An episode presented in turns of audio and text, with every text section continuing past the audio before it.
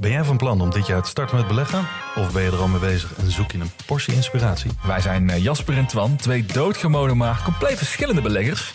En iedere donderdag vertellen wij in onze podcast de lange termijn over onze beleggingsreis, onze lessen en met name onze fouten.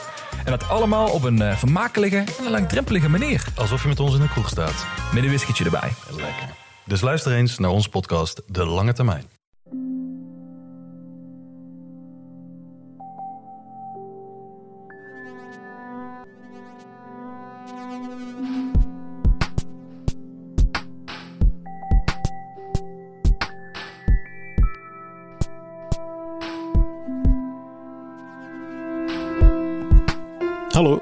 Van Relaas. In Relaas hoor je verhalen die waar gebeurd zijn en ze worden live verteld door de mensen die ze zelf hebben meegemaakt. Die verhalen sprokkelen we op live vertelavonden in Gent en in Antwerpen. We gaan deze keer luisteren naar Luc. Luc zit met een ethisch dilemma. Hm, iedereen maakt dat wel eens mee.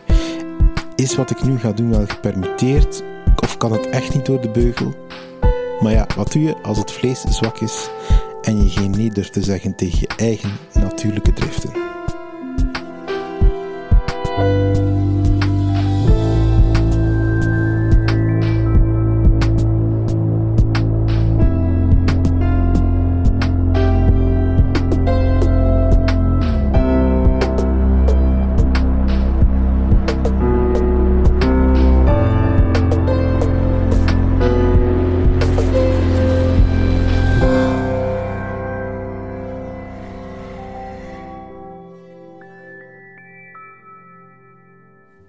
Een tijdje geleden, uh, ik moet vertellen, ik heb een bureau thuis.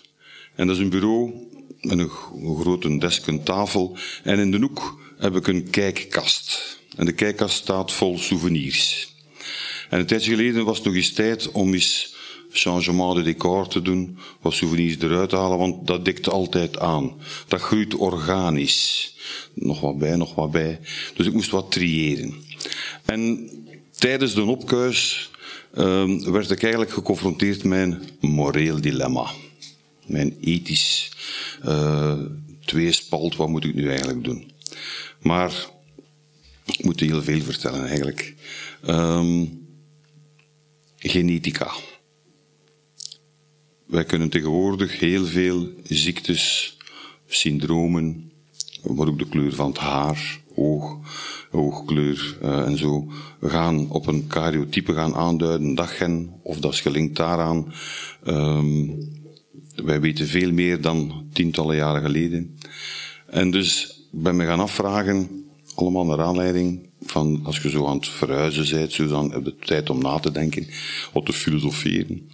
Um, zou er ook een gen zijn voor passie, een gen zijn voor competenties? Ik denk dat wel. Bepaalde families vinden sportmannen en muzikanten en zo, dat zal wel genetisch. Maar zo goestingskus, nieuwsgierigheid, zou dat ook doorgegeven worden. Uh, bijvoorbeeld, iets dat ik vermoed misschien wel in onze lijn van de familie ligt. Uh, mijn overgrootmoeder, dat was een achtergaras. Dat is het wasen voor een, een vrijwillige vroedvrouw, niet opgeleid, die erbij was als de kindjes gedeliverd, uh, afgeleverd werden, geboren werden eigenlijk gewoon. Hielp die de geboorte wat gemakkelijker lopen. Maar allemaal niet moeilijke woorden. Nu, zij werd er ook bijgehaald als iemand gestorven was. Dus het, het, het lijk uh, wassen, aankleden en zo, dus afleggen, daar werd zij ook bijgehaald. Begin en het einde van het leven zo.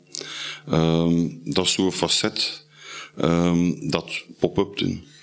Mijn vader, toen die in pensioen ging, die mocht nog vrij vroeg op pensioen gaan, um, vergelijk in menu toch, dan uh, is die gaan werken bij een begrafenisondernemer als assistent. Die moest dan met geen lijkwagen, dat weten de mensen niet, met een soort kabinet of zo, moest hij de afgestorven uit klinieken gaan halen om bij de begrafenisondernemer daar af te leveren. Dus die was ook bezig met de dood. Of toch met de facet van de dood. En mm, ik zal u zometeen meenemen in, in, in, in een aantal eikpunten, een aantal markers in mijn leven. Eigenlijk de dood boeit mij ook. Niet alleen het existentiële, filosoferen dan weer, over het, het zijn en het niet zijn. Dat is voor gedocumenteerde filosofen. Maar zo een dood lichaam en vooral knoken, beenderen. Dat boeide mij. Dat brengt mij terug naar een, een vroege kindherinnering. Uh, het is heel lang geleden toen Gaia de dieren nog geen stem gaf. Zo lang is het geleden. Ik was een jaar of acht en mijn vader moest iets cultureel doen. En hij nam ons mee, mijn broer en ik, naar het museum in Sint-Niklaas.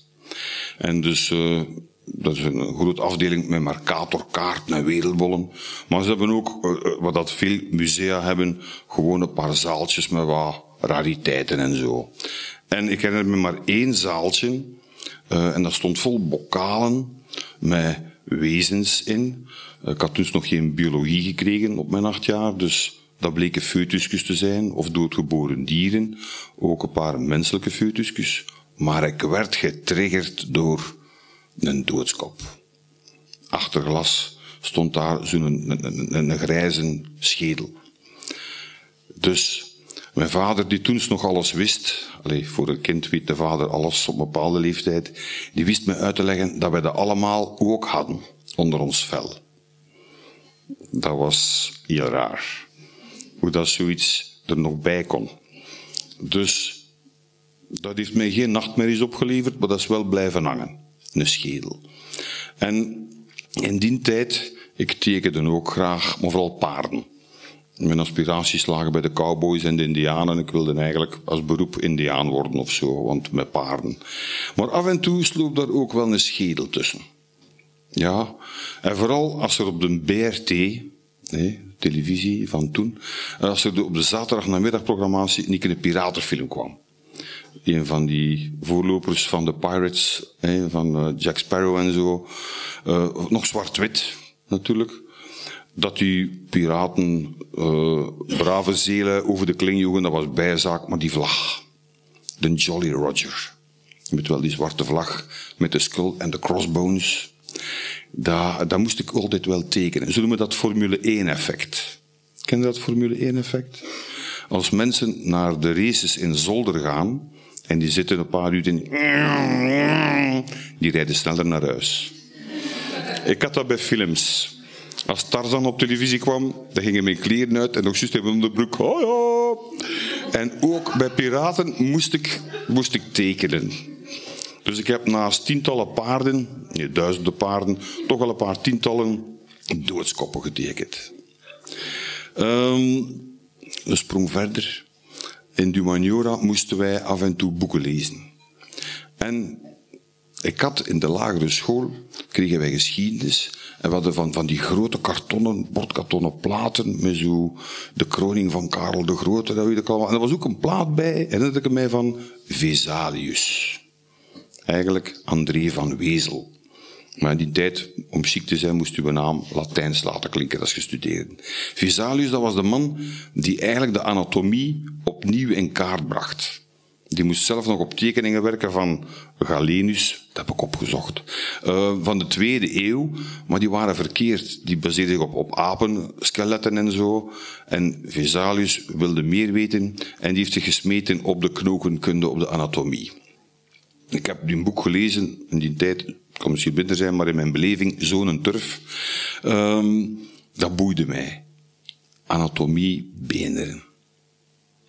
We gaan nog een beetje verder. Rome-reis. Op het einde van Humaniora werden wij uitgenodigd om mee te gaan voor een tiendaagse of een twaalfdaagse naar Italië. Firenze, Assisi, Rome dan uiteindelijk ook. En op de terugweg doen we Padua aan. En in Padua hebben ze een kathedraal en we lopen daar rond. Ik had zo'n klein instamatiekje mee, zo'n klein, klein fotoapparaatje met 24 foto's zo. Uh, je moest daar karig mee zijn, want ontwikkelen, dat was nog veel geld. Je kon ook niet triëren, die moet ik hebben of niet. Het was alles of niks. Dus ik was heel karig. En ik heb dus wel van, van die kunstwerken een beetje gefotografeerd, maar twee zijn echt wel, die weet ik nog zo liggen, die foto's. De rest die zijn al weg. En eentje ervan, dat is van in de kathedraal van Padua. Daar was toen een barrelief, zo een, een half verheven beeldhouwwerk. En dat was een engeltje, zo'n peutertje zo, met vleugeltjes op zijn rug. En die was aan het spelen met een doodskop. Ik heb daar een zwart-wit foto van, misschien moet ik er ook eens een poster van maken. Ik denk dat daar ongeveer mijn kweeste begonnen is, mijn zoektocht. Ik wil dat ook. Ik wil een schedel. Nu, als ik zeg een passie, dat was nu niet maniacaal dat ik een schedel wilde, maar ik wilde toch eigenlijk wel als decor zo de schedel. Nu, er gaat een tijdje over, niet zo lang. Ik ga naar Leuven en ik zit op kot, onder andere met geneeskundestudenten. En ik zat in het tweede jaar en de Jackie, een van mijn kotgenoten, die moet op dinsdag namiddag moet hij op de lijken gaan werken. De lijken. Mag ik ze niet mee? Ah nee, dat is uh, vast, dat is met een lijst, en zo van. Allee, Jackie, informeer, die zijn toch al af en toe mannen ziek of zo. Dus inderdaad, er waren af en toe mannen ziek. En er zaten, met er zaten een paar geneeskundestudenten op kot. Dus ik kon wel een schort lenen, een van mijn karuren zo, uh, dat ik in kon. Dus ik ben meegeslipt. Dat was een assistent van de prof, moet daar absenties opnemen. En ja, die kenden zijn studenten toch niet. Die had een beetje afwezig, dus ik mee. Had hij naar mijn ogen op mijn kaken gekeken, had wel gezien dat ik daar niet op mijn plaats was, maar hij niet goed gekeken. Dus, we worden in zo'n zaal binnengeleid. Ah, stinken. Wat een formol. En dus uh, frisjes ook. Dus ik had nog een trui onder die witte schort moeten aandoen. Dat was mij aangekondigd.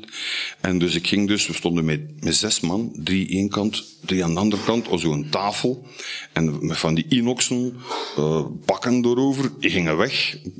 Ik was zeer geïnteresseerd aan het kijken. En dan zag ik zo grijze doeken, dweilen liggen in de formol. Die werden eraf gehaald. En dan dacht ik van, ah, liggen nog doeken op. Nee, dat was dat vel. Dan werd dat vel opengelegd. En ik heb een namiddag, een uur of tweeënhalf of drie, meegewerkt met de scalpel, met zo'n vlijmscherpmesje. Heb ik goed afgekeken van de, mijn bijna medestudenten, wat ik moest doen. Dus ze waren meer het complot. Allee, ik heb zinvol werk gedaan. Nu, ik moet eerlijk zeggen, waarom wilde ik dat doen? Er was een mythe. Er was een mythe.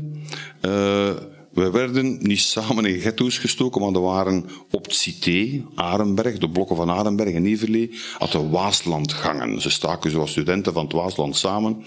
En er waren ze in, die Waaslandgangen waren nog studenten geweest, en die zeiden van, als je op de lijken gaat werken, dan kun je wel eens een duim of een teen meepakken. Dus dat was ook blijven hangen. Nu, ik moet eerlijk zeggen, op de lijken, die ik, heb met een toerist gedaan, want je moest niet op de plaats blijven staan.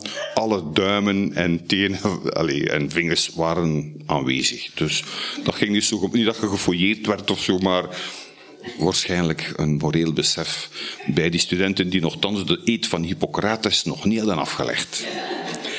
En dus, ik moest, ik moest, ik herinner me dat ik heel veel, ik heb een stuk van de rug moeten doen, heel veel geel vet afkrabben. Dat was een man die lag op, op zijn buik. Pardon. Um, en ja, dat, dat, dat was boeiend. Maar ik had wel met mijn franke muil gezegd van, ik breng wel een vinger mee op kot. Dus, ja, dat was niet echt mijn intentie, maar ik had alle plannen. Ik had zo stekkendoosken, een luciferdoosken. En ik had daar de bodem een gat in gemaakt, dat ik mijn vinger erin kon steken. Ik had wat bloem mee, dat je wat wit zag zo. En dus, ik kwam op kot van, en look, en, en, en, dit, al pijsde. En dus ik prof mijn vinger erin. En dus inderdaad, dat doosje open. En als ze van dichter keken, natuurlijk tegen het plafond van het verschieten.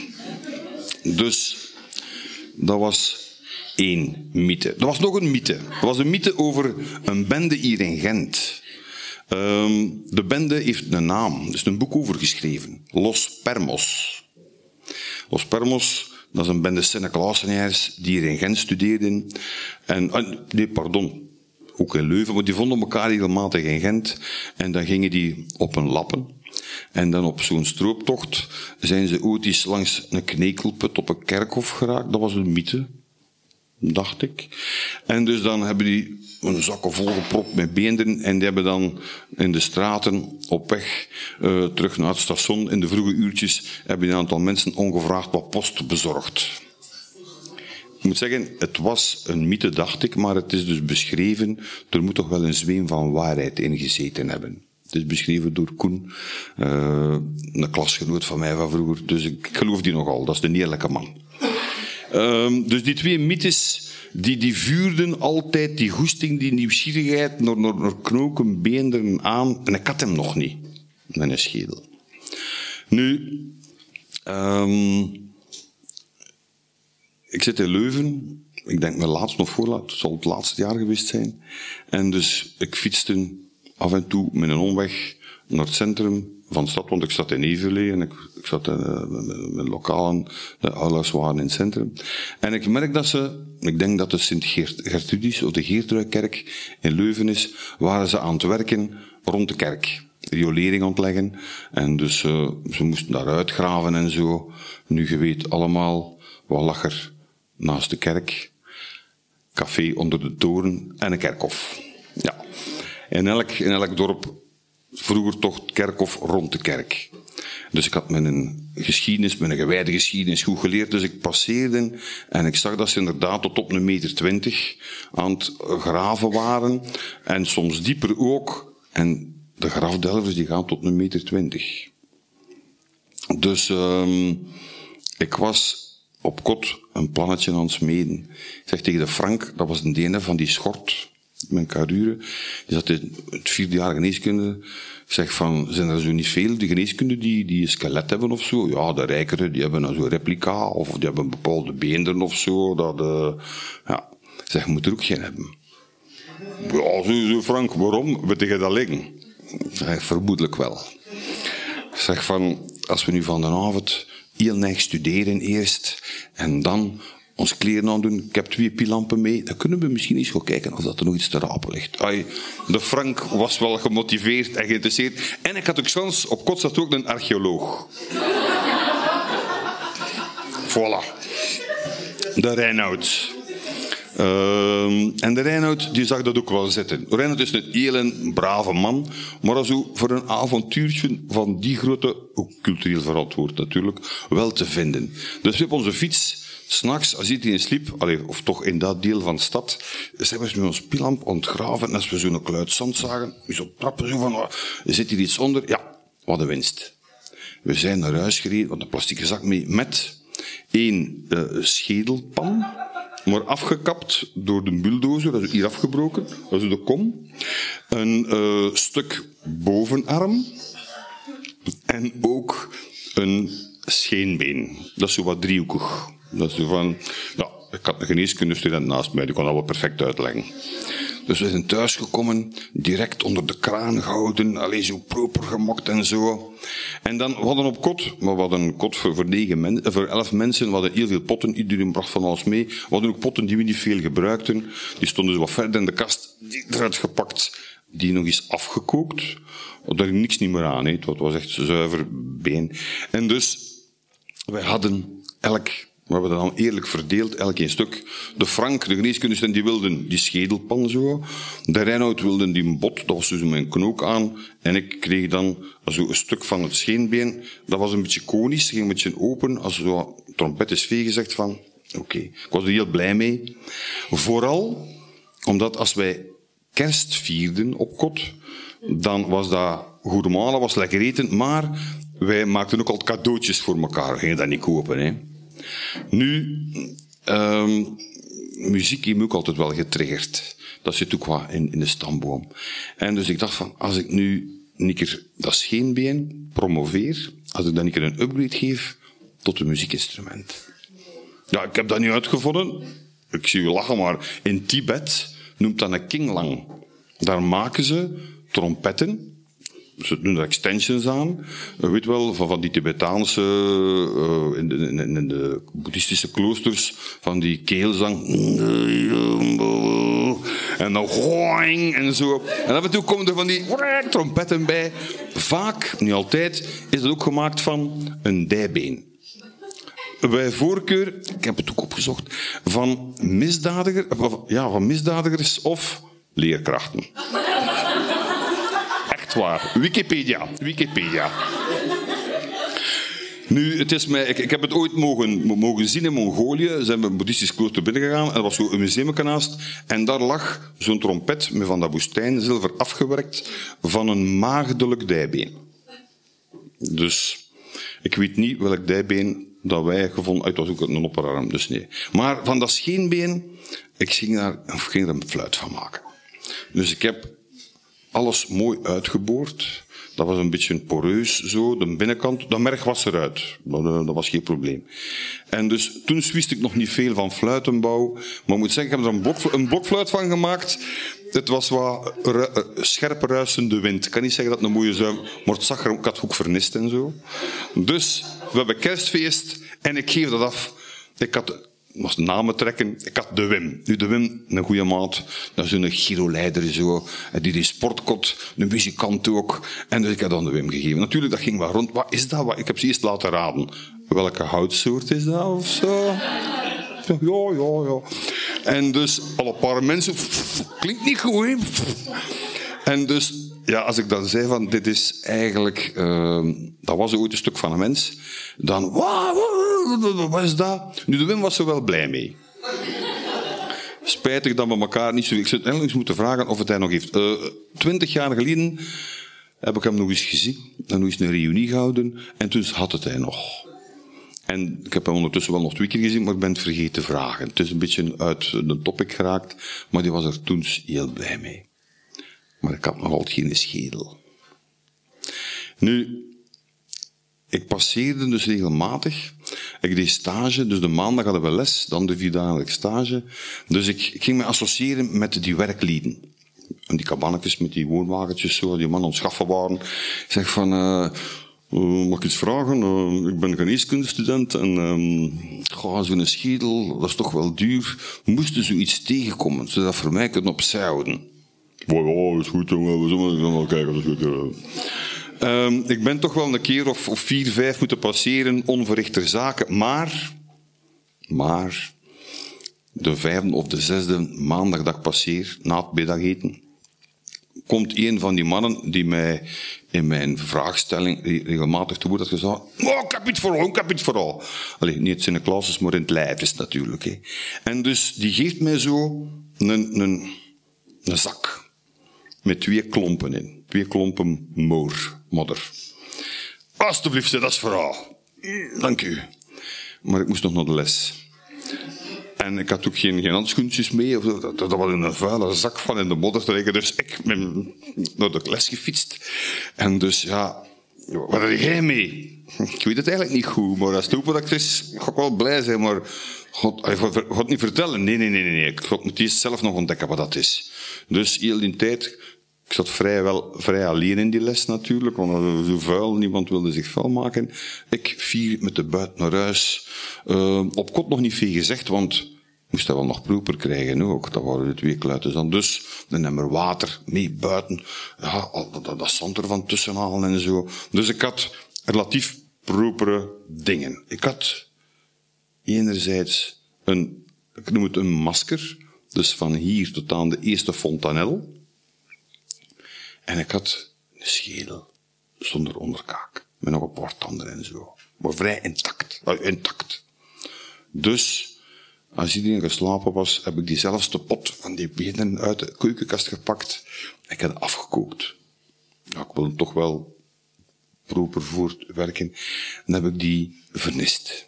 Om zo En dat heb ik dan op mijn kot tentoongesteld ja, in die tijd misschien wat excentrisch willen zijn en zo. Dat blijft onder ons, maar ik heb er ook een lampje in gezet.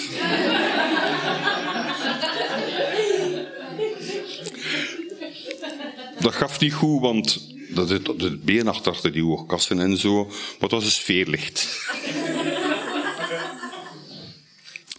nu, wij ruimen op na Leuven en mijn cursussen en wat er buiten stond gaat in kartonnen dozen.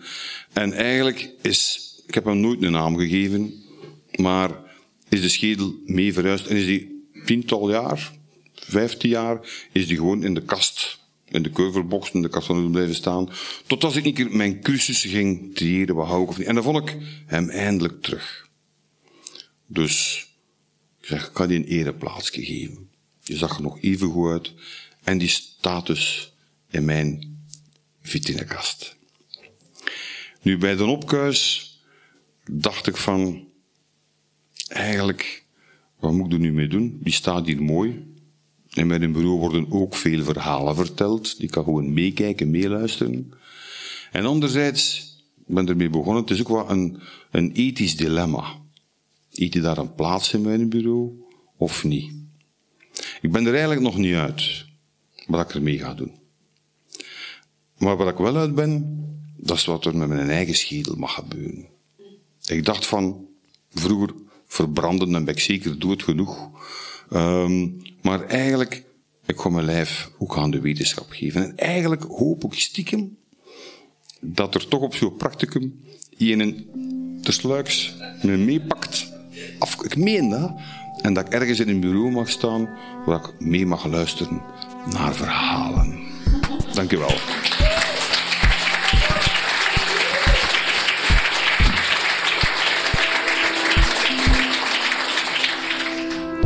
Dat was het iets wat lugubere relaas van Luc.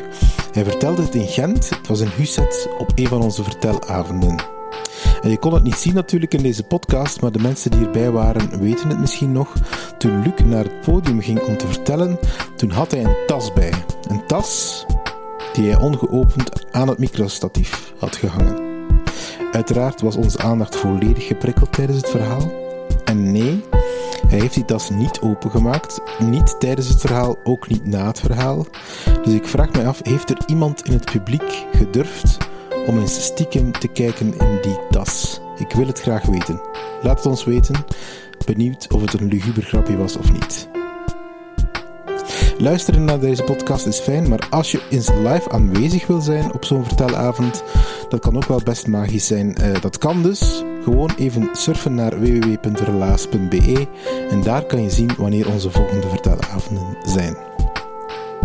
En als je tof vindt wat wij aan het doen zijn, dan kan je ons dat altijd eens laten weten. Wij krijgen graag berichtjes. Je kan ons een mailtje sturen, hallo.relaas.be of je laat ons gewoon iets weten via iTunes. Of je kan ons een positieve review geven via iTunes of waar je ook maar je podcast vindt. En als je ons echt, echt, echt tof vindt, dan kan je ook mecenas van Relaas worden. En dan kan je ons bijvoorbeeld elke maand 3 euro geven. Dat kan via onze Patreon-pagina. Je vindt onze uh, URL op onze website. Is een uh, kleine donatie, daar zouden wij heel blij mee zijn. Katrina is een van die relaas-mecenassen en ik wil ze daarom eens persoonlijk bedanken in deze podcast. Merci Katarina voor jouw steun elke maand opnieuw. Merci. Relaas is er ook dankzij de Vlaamse gemeenschap en de stad Gent. Onze partners zijn Urgent FM, Chase, Pulp Deluxe, Den Hopzak en Huzet. En Relaas wordt gemaakt door een hele hoop vrijwilligers. En omdat de lijst langzaamaan te lang wordt, haal ik er vanaf nu elke aflevering één uit de hoed. En deze keer is dat dum, dum, dum, dum, Steve Konaar. Steve organiseert mee de vertelavonden in Antwerpen. Af en toe krijgen de relaasbezoekers ook van hem een mailtje met praktische uh, instructies. En hij helpt ook mee, net zoals de rest van het team, met het beoordelen en beluisteren van al onze relaasverhalen. Merci Steve voor al jouw hulp. En jij, dankjewel om te luisteren en tot een volgend relaas.